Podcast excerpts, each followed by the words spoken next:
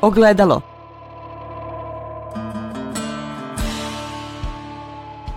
Podcast Autonomije.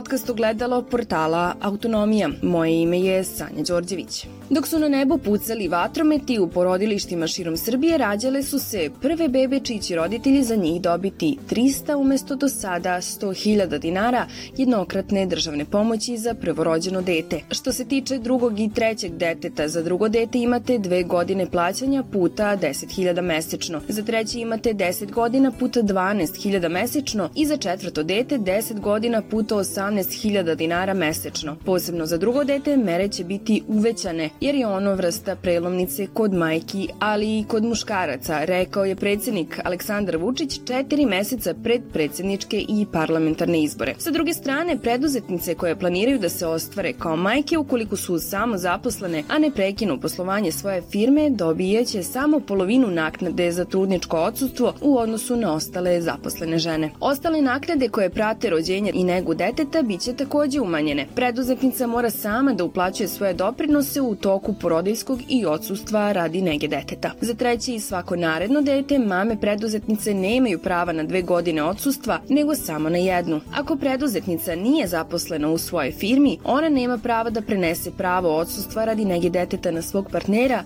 kao što to može druga zaposlena žena. Podizanje nataliteta je dugoročan proces u kojem moramo svi da učestvujemo, a predsednik i vlada posvećeni su napređenju položaja žena. Naša obaveza i cilj su da žene imaju jednake uslove kao i muškarci, jer im to omogućava i da budu majke, ali i da napreduju u poslu i društvenom životu, rekla je potpredsednica vlade Srbije i predsednica koordinacionog tela za rodnu ravnopravnost Zorana Mihajlović. Gosto gledala je osnivačica Centra za podršku ženama i mreže SOS Vojvodina. Osnovala je i agenciju Misija Smart, predsednica je sekcije za razvoj ženskog biznis liderstva pri Uniji poslodavaca Vojvodine. Naš gost je aktivistkinja Marija Srdić. Dobar dan i dobro nam došli. Dobar dan. Kada znate sve ovo, kakav to utisak ostavlja na budući preduzetnice i majke i da li one mogu da budu ohrabrane ovakvim tretmanom? Pre svega bi trebalo reći da ovo nije pitanje utiska.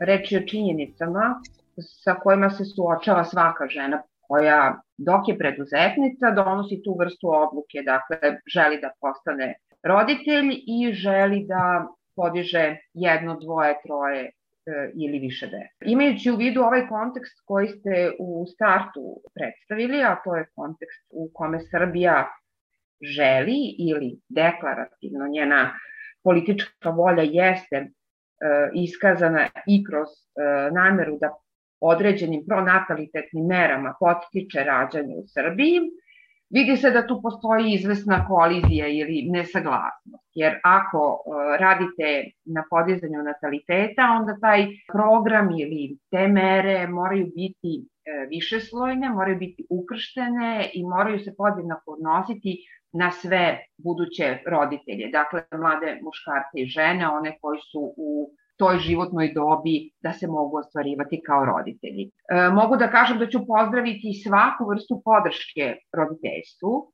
i ova povećanja koja ste takođe izlistali u uh, uvodu ovog razgovora jesu dobrodošla. Postoji ogromna sličnost između preduzetnica u Srbiji, koje po pravilu upadaju u kategoriju onih najmanjih, dakle mikro preduzeća, To znači da su one samo zaposlene ili ako zapošljavaju, zapošljavaju do pet osoba. I to je više od 90% preduzetnica u Srbiji. Dakle, naše žensko preduzetništvo, iako je nominalno prilično rasprostranjeno, možemo reći da jednu trećinu preduzetnika u Srbiji čine žene preduzetnice, to je nekako dobar, dobar pokazatelj i dobar pokazatelj je da u Srbiji od perioda kada beležimo uspon preduzetništva s kraja 90-ih do danas postoji stalni rast broja žena u preduzetništvu. Ono što ja kao neko ko e, prati tu scenu i kao preduzetnica, ali i kao aktivitkinja i nekim segmentima analitičarka i istraživačica, vidim, to je da je ono ostalo u toj zoni mikromala. Dakle, ono nema kapacitet da se razvija i to vam dovoljno govori o tome da nema klime i poticaja. Postoje račiti faktori koji toj situaciji doprinose. Jedni od njih jesu u onoj e, zoni e, stereotipa o tome šta je poželjno da žena radi kad je preduzetnica. Ona dobro došla kao frizerka, kao pružateljka u nekom segmentu intelektualnih usluga, e, kao negovateljica, kao osoba koja pruža e, usluge u oblasti brige i staranja, rada s decom. Dakle, to su te zone u kojima žene plivaju, u, kome, u kojima se one snalaze. Kada prelazite u one visoko profitne sektore, tu ih je sve manje, do naravno velikih biznisa u kojima su one gotovo statistička greška. Šta sad ovim hoću da kažem? Stilu života, mnogo veća sličnost između zaposlenih žena i samozaposlenih, odnosno tih naših mikropreduzetnica, nego između žena preduzetnica i njihovih muških kolega koji su u biznisu. To sam čak i u pripremi našeg razgovora naglasila. Dakle, e, to bih voljela da se stalno ima u vidu. Da biti samozaposlen e, znači biti pod velikim pritiskom. Vi sami obavljate svoju delatnost, ako ste na bolovanju, vi ne radite, ako ne radite, vi ne prerađujete, a ako ste e, otišli na održavanje trudnoće, vi takođe ne radite. Dakle, vaš biznis praktično počiva na vašim plećima, nešto je lakše naravno ženama koje imaju e, zaposleno osoblje i zaposlene radnike, ali kažemo one su ređe od ovih e, samozaposlenih žena. Prema tome, neprihvatljivo je u svakom smislu i sa stanovišta ravnopravnosti da one koje su u mikrobiznisu imaju loši tretman na zaposlenih žena, sve ovo što ste nabrojali, a odnosi se kako na period pre rađana, tako i na porodijsko odsustvo, dobijanje nadoknade, govorimo i o zakonu o finansijskoj podršci porodicama sa decom, do recimo činjenice da E, partner, odnosno suprug preduzetnice, ne može da koristi to odsustvo oca za njegovu novorođenčicu. Tako da, niz je tih stvari kojima je u većem broju zakona učinjen presedan, napravljeni su ti izuzeci koji se odnose baš na ovu kategoriju žena i e, to osim što je nepravedno, to je destimulativno. Dakle, vi ćete da završite prvo posao rađanja, pa ćete tek onda da uđete u preduzetništvo. To je česta odluka. Nama to žene svedoče. Nedavno je moja koleginica, direktorka Unije poslodavaca Vojvodine, pisala jedan zanimljiv tekst na tu temu, pa je rekla, kada sam razgovarala sa jednom uspešnom preduzetnicom e, i pitala je kako je uspela da uskladi roditeljstvo, odnosno trenutak kada je postala roditelj i E, da to ne utiče na njene firme, ona je rekla pa vrlo jednostavno sam ja to uradila. Ja sam rađanje završila pre nego što sam registrovala svoj biznis. To je ta situacija. Ona je vrlo česta. Ona koja je još češća, to je da žene u toj najproduktivnijoj životnoj dobi, koja se poklapa sa periodom kada rađaju, zapravo ne ulaze uopšte u Da, onda kada su najsposobnije, onda kada su završile proces obrazovanja, onda kada su, kako bih rekla, sa najviše komparativnih prednosti za nastup na tržištu, one na tom tržištu nisu, jer su zapravo morale da biraju ili, ili. Podrška mora da bude jednaka za sve žene i e, kada se govori o pronatalitetnim merama, one moraju zaista da budu odgovor na sve potrebe žena za koje mi želimo kao društvo da budu više struke majke. Mi smo imali nekoliko pokušaja, čak i radnih grupa, vlade, nekih e, pokušaja da se kreiraju kampanje i sve to nije dalo rezultata. Dakle, mi zapravo moramo konstatovati da tom pitanju ne pristupamo na odgovarajući način i da nikada nismo tome pristupali strateški. Ako me pitate zašto je to tako, verovatno ima više odgovora, ali evo ja ću izabrati taj koji kaže da političari ne vole, me, ne vole mere aktivnosti i politike čiji ishodi ili dobrobiti se vide sa puno godina. Njihovi koncepti se zasnivaju na periodu od četiri godine, tu se dakle traže odgovori na te ponuđene politike, pozitivni odgovori kojima se možete pohvaliti u predstavnoj kampanji. Sa pronatalitetnim politikama to nije slučaj.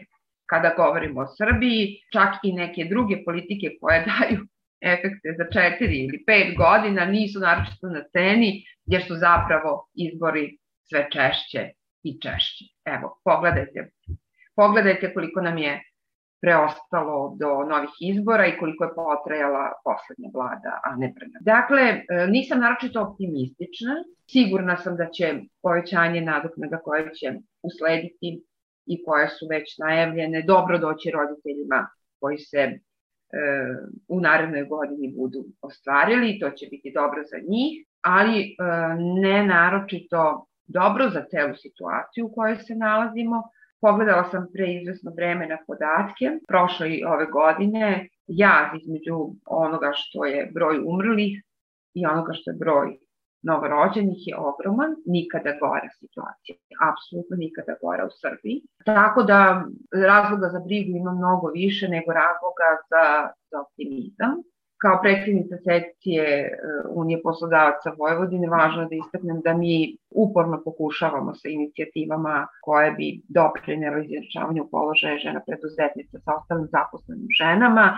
Pre nekoliko nedelja smo na socioekonomskom savetu Vojvođanskom prošli sa jednom takvom inicijativom, ona dalje ide na Republički socioekonomski savet, ali dug je put od toga da je nešto podneto kao inicijativa do stvarnih promena koje treba da uslede, videli ste u dokumentima o kojima smo razgovarali, dakle da uslede u nekoliko zakona i e, u svetlu činjenice da ćemo uskoro imati nove izbore, pa potom novu vladu, e, bojim se da ova pitanja ni u narodnoj godini neće biti rešena Volela bih da bar neka od njih stignu na dnevni red, tako da ću to onda smatrati ti malim koracima ili malim uspesima koje pravimo. Naravno, ne, ne, neću nikako reći da su zasluge za to samo nas, žena koje smo u preduzetničkim asocijacijama i udruženjima i druge žene iz nevladinog sektora su se za ova pitanja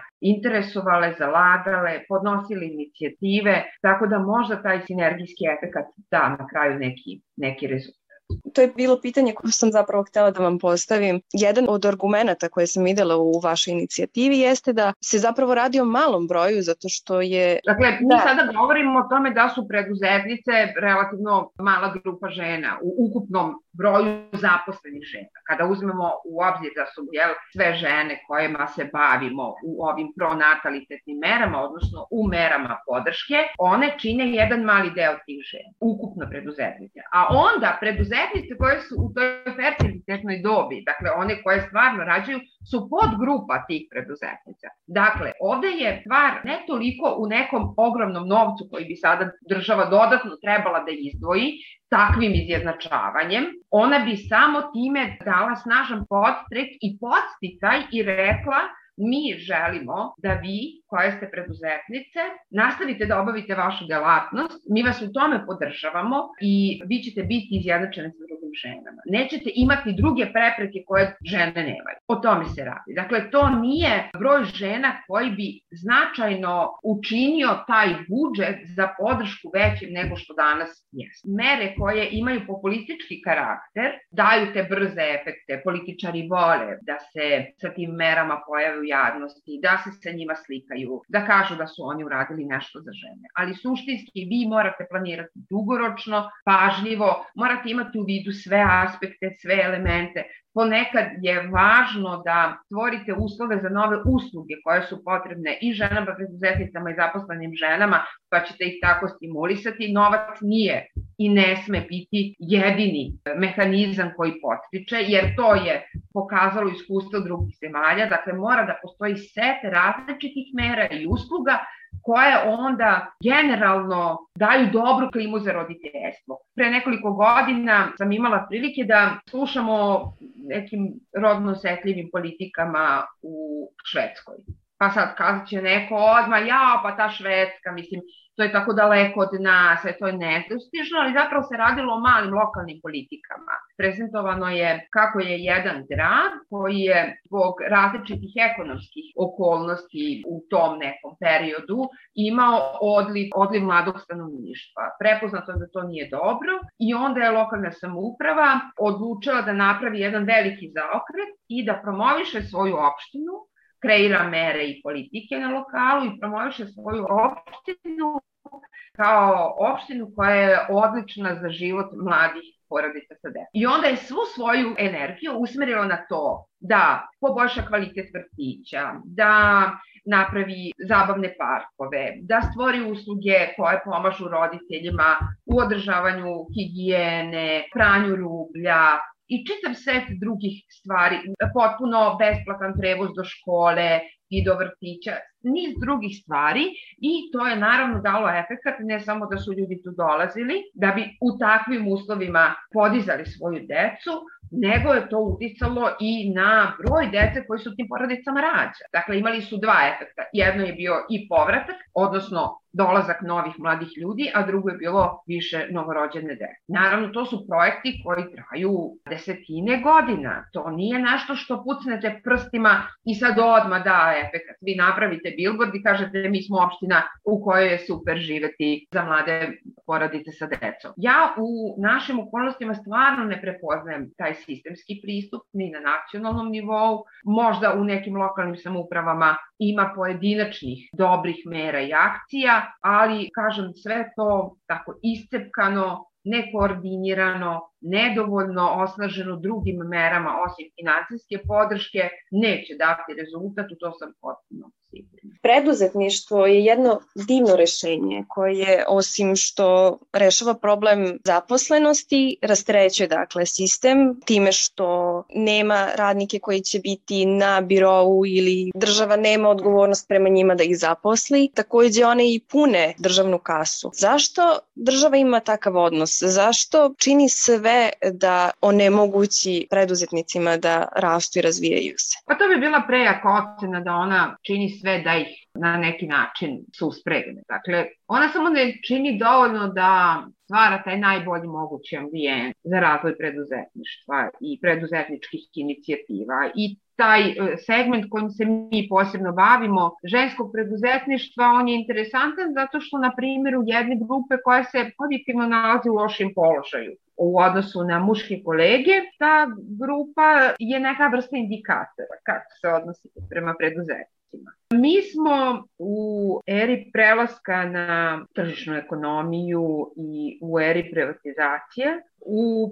preduzetništvu videli nužno rešenje. To je faza koja se preduzetništvo smatralo izlazom iz nužde. Danas su stvari nešto bolje nego tada i u preduzetništvo sve više žena, a i muškaraca, ulazi kao svoj prvi izbor. Dakle, kao prostor za ostvarenje svojih ambicija, ostvarenje profesionalnih vizija, vrlo često nakon iskustva u mladim godinama kao zaposlene osobe u nekoj kompaniji ili u javnom sektoru, ljudi prepoznaju da je to prostor koji im je suviše uzet i težak i žele da svojom inicijativom utiču na kvalitet svog života. I kada smo radili istraživanja u poslednjem periodu, zapravo smo zapazili da postoji sve veći broj onih žena koje u preduzetništvu vide samo ostvarenje. To je jako, jako dobar pokazatelj. Kada je u pitanju poslovni ambijent, on bi zaista morao mnogo više da vodi računa, odnosno država bi u tom kreiranju poslovnog ambijenta morao da vodi mnogo više računa o mikro i malo. Ona to deklarativno kaže,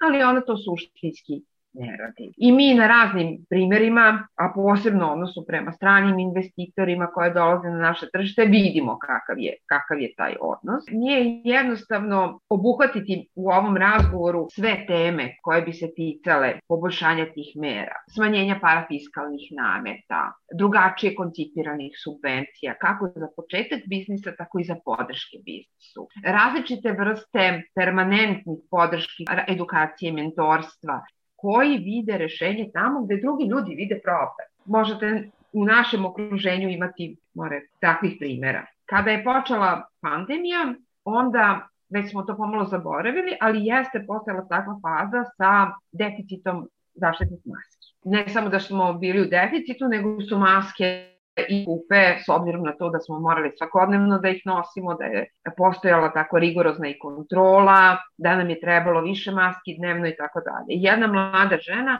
je koristeći iskustvo u biznisu svoga muža sa posebnim materijalima koje on uvozio za sasvim druge potrebe, prepoznala da od tog materijala može da pravi višekratne maske koje su antialergijske, koje su dobre za decu i tako dalje i od toga je napravila za godinu dana jedan jako, jako dobar biznis. Osim toga, unela je dozu kreativnosti, tako da su maske različitim vrstama aplikacija, vrlo su primamljive za decu i imajući svom iskustvu ovaj, nekoliko akcija doniranja maski u kojima sam kao osoba učestvovala, videla sam koliko su baš te njene maske bile omiljene kod najmlađe populacije. Dakle, rado su ih nosile, su bile e, šarene sa njihovim omiljenim likovima, sa motivima koje oni prepoznaju, a s druge strane roditeljima je to bilo dobro rešenje jer su maske bile višekratne, za višekratnu upotrebu mogle su se oprati i ponovo nositi, a da nisu bile od klasičnog pamučnog materijala koji nije dovoljno zaštite. Hajde da pređemo sada na ravnopravnost. Iako kod nas muškarci odsustvo radi nege deteta mogu da uzimaju, koriste ga vrlo malo, gotovo na nivou statističke greške. A ovo je zapravo jedan važniji koraka u ravnopravnosti na tržištu rada. Zašto, osim toga što preduzetnice, ukoliko nisu zaposlene u, svoj, u svojoj radnji, ne mogu da prenesu odsustvo na muža, e, šta još sprečava muškarce da uzimaju, očeve da uzimaju odsustvo radi nege deteta? Ja mislim da su dva faktora ključna na, na čitavoj populaciji. Dakle, jedno su predrasude i stereotipi da je majkama mesto uz uh, novorođenče svih godinu dana, a drugo je da i dalje muškarci u uslovima u kojima mi živimo zarađuju više od žena i onda se više za porodicu isplati da on radi, a da ona bude kod kuće. Kada su preduzetnici u pitanju, tu bi stvari zbilja morale da budu malo drugačije. Vrlo često preduzetnice jesu te koje više donose u kuću od svojih partnera i bilo bi odlično da onda baš ti partneri u korist kvaliteta života porodice budu oni koji su uz dete dok preduzetnica obavlja svoj delat. Tako da eto, to su te, te, te ključne stvari. Jedno je da postoji inercija i da zaista naši muškarci nerado koriste tu mogućnost da budu uz dete nakon određenog broja meseci koja je obično majka u prvoj fazi provede uz dete. Nažalost, najčešće je kada sam gledala te statistike koji su razlozi, na, nažalost je to bilo najčešće kada bi majka premirala ili se desila neka tragedija da su muškarci koristili tu u, tu vrstu zakonske mogućnosti, ja, iskoristili to.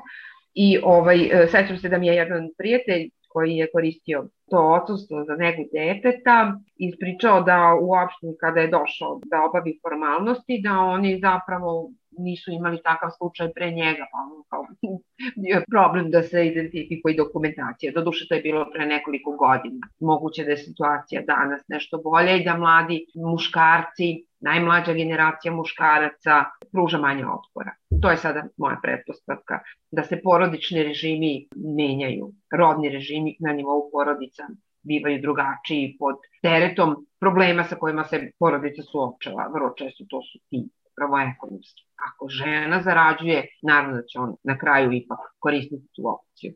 Vi ste kao Unija poslodavaca Vojvodine sproveli istraživanje o posledicama pandemije COVID-19 na preduzetnice u Srbiji. Anketa je urađena sa 200 preduzetnica, među njima 12% živi u domaćinstvu samo sa decom, a jedna petina ispitanica nema dece. Među ispitanicama je najviše bilo oni koji se bave zanatskim poslovima, frizerka, krojačica, kozmetičarka, druga četvrtina nešto, malo manji broj je onih koji se bave uslužnim delatnostima poput edukacije, knjigovodstva zdravstva ili fitnessa 13% bavi se prodajem, oko jedne desetine bavi se proizvodnjom, a 9,5% ugosti, ugostiteljstvom, 6,5% turizmom i 6,5% velo, veleprodajom.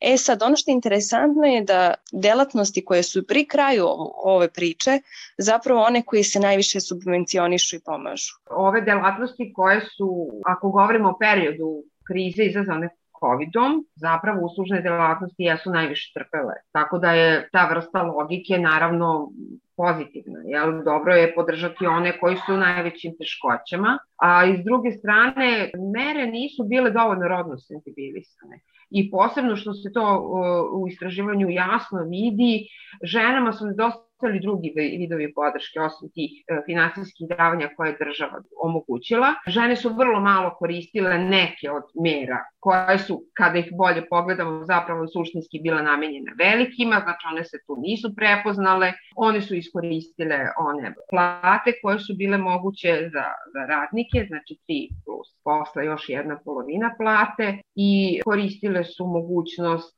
da im krediti i obaveze, poreske obaveze miruju. To je u suštini ono što su one iskoristile. A zapravo kada pogledate kako su prolazile kroz krizu, šta su navele da su bile njihove ključne prepreke, problemi, taj veliki deo rada kod kuće koji inače obavljaju se u, u ovim uslovima još više povećao. Dakle, imali ste brigu o deci koja su kod kuće i na online nastavi, to ste servisirali, morali ste da radite s tom decom, imali ste oboljevanje članova porodice, to se evo nastavlja. Dakle, mi dalje živimo, to istraživanje je obuhvatilo samo 2020. Ono je objavljeno i prezentovano u martu prošle godine. Znači, mi od tog marta do danas imamo još jednu godinu pod COVID-om a zapravo se suštinski te rodno osetljive politike ne provode. One ni ne stižu do, nažalost, ne stižu do, do nositelja odluka, niti se prepoznaje da bi to trebalo raditi na takav način. Mislim da je to kako bi kažem, uvek taj veliki raskorak između toga da deklarativno kažete da ste za nešto, vi ste za to da žene budu preduzetnice, vi ste za to da muškarci i žene budu izjednačeni kako u javnom i političkom, tako i u ovoj sferi privatnog života, podele porodičnih obaveza. Mislim, vi kad pogledate statistiku, tu su pomaci u pogledu toga koliko je neplaćenog rada, ono koji učini žena i ono koji učini muškarac, nepromenljivo godinama. I, i imate tu uh, neravnopravnost koja je duboko usađena u temelje naših odnosa. Za kraj, kako možemo da motivišemo više žena da postanu preduzetnice i da se bave granama privrede koje su isplativije i koje su prave mere koje mogu motivisati porodice da postanu roditelji? Mora da bude više mera one moraju da budu e, mere koje ne samo materijalno podržavaju porodice ili ne samo materijalno podržavaju ulazak žena u preduzetništvo kroz subvencije, nego kroz čitav niz godina prate tu porodicu, a kada su žene preduzetnice u pitanju jedan duži vremenski period različite vrste mera kao što su mentorstvo, edukacija, mogućnost pristupa povoljnim kreditima, drugačije politike banaka, garancijski fondovi, znači čitava jedna paleta mera mora da se razvije, da ona kontinuirano postoji, da je ona lako dostupna i da onda možemo da kažemo da ćemo za neki period mi imati mnogo bolje rezultate nego što imamo danas. Rekla sam već o tome dovoljno da smo dužni da u obrazovnom sistemu negujemo i potičemo devojčice, a da, je, da to svedemo na jedan dan u godini kada se kroz manifestaciju koja se zove Girls Day promovišu te profesije koje nisu tipične za žene prije svega one koje su inženjerske ili su tradicionalno vezane za, za muško polje rada. Dakle, sve to mora zajedno tek u nekom narednom periodu da nam da taj novi horizont, a za to treba jako puno rada, treba mnogo institucija da se bavi time, politike moraju da se urodnjavaju i to najrazličitije politike na svim nivoima, od lokalnog preko pokrajinskog do nacionalnog i tada možemo onako da očekujemo da u budućnosti vidimo više ravnopravnosti. Hvala vam puno na izdvojenom vremenu. Hvala i tebi. Ogledalo